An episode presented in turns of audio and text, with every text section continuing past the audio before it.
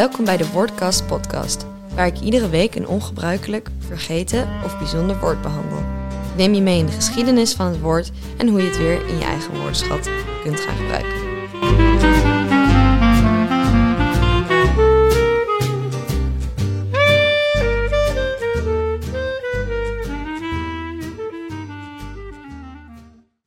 Welkom of welkom terug bij de Woordcast podcast. Wat leuk dat je weer luistert. Helaas was ik er vorige week niet, omdat de podcaststudio gesloten was vanwege de herfstvakantie.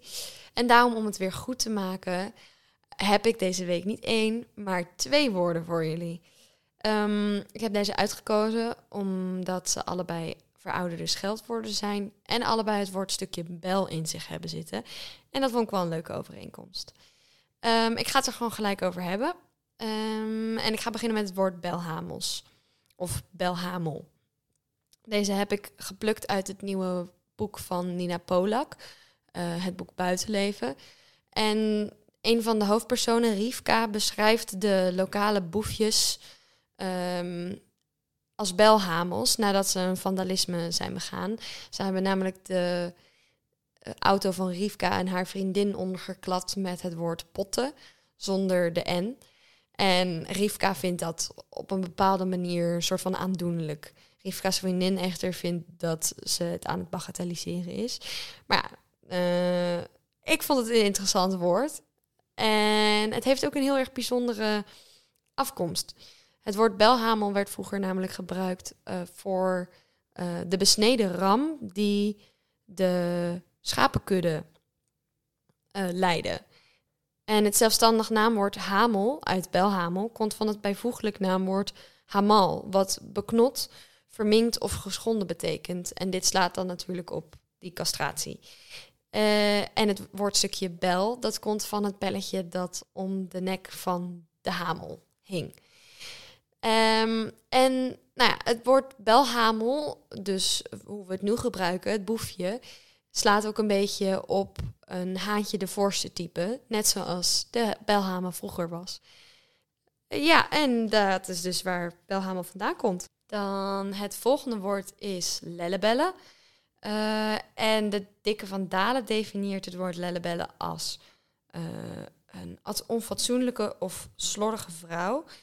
Ik zelf dacht altijd een beetje aan uh, de onschuldige versie van lichte kooi of ja, de onschuldige versie van slet.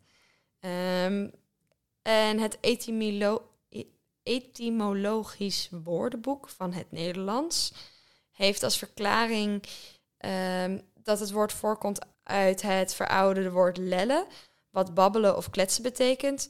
En uh, het verouderde woord bel, wat uh, vieze of slonzige of onzedelijke vrouw betekent. En wat ik trouwens wel interessant vond, is dat het uh, verouderde woord lellen bijna hetzelfde betekent en bijna hetzelfde wordt geschreven als de woorden lallen en lullen. Maar die worden wel nog gebruikt. Dus ja, dat vond ik wel bijzonder. Um, en ja, het tweede deel van het woord dus, bel, dat werd vroeger in een hele hoop combinaties gebruikt in scheldwoorden. Ik heb er wel vijf kunnen vinden. Totebel, liegebel, roggebel, snottebel en morsebel.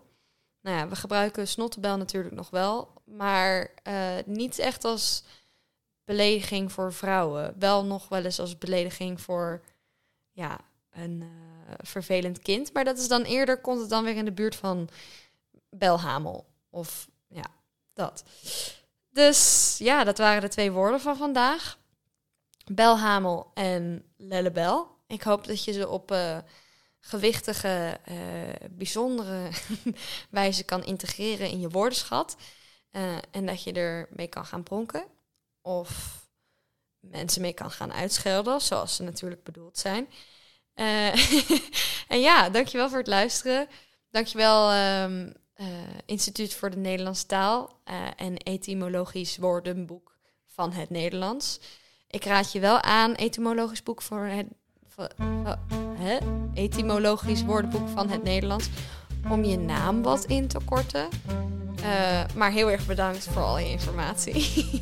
um, en dankjewel Lara voor het maken van de omslag van de podcast. Um, check even haar werk op haar website of haar Instagram. Die zet ik natuurlijk in de omschrijving. En ja, dat was hem weer. Dankjewel voor het luisteren en tot volgende week.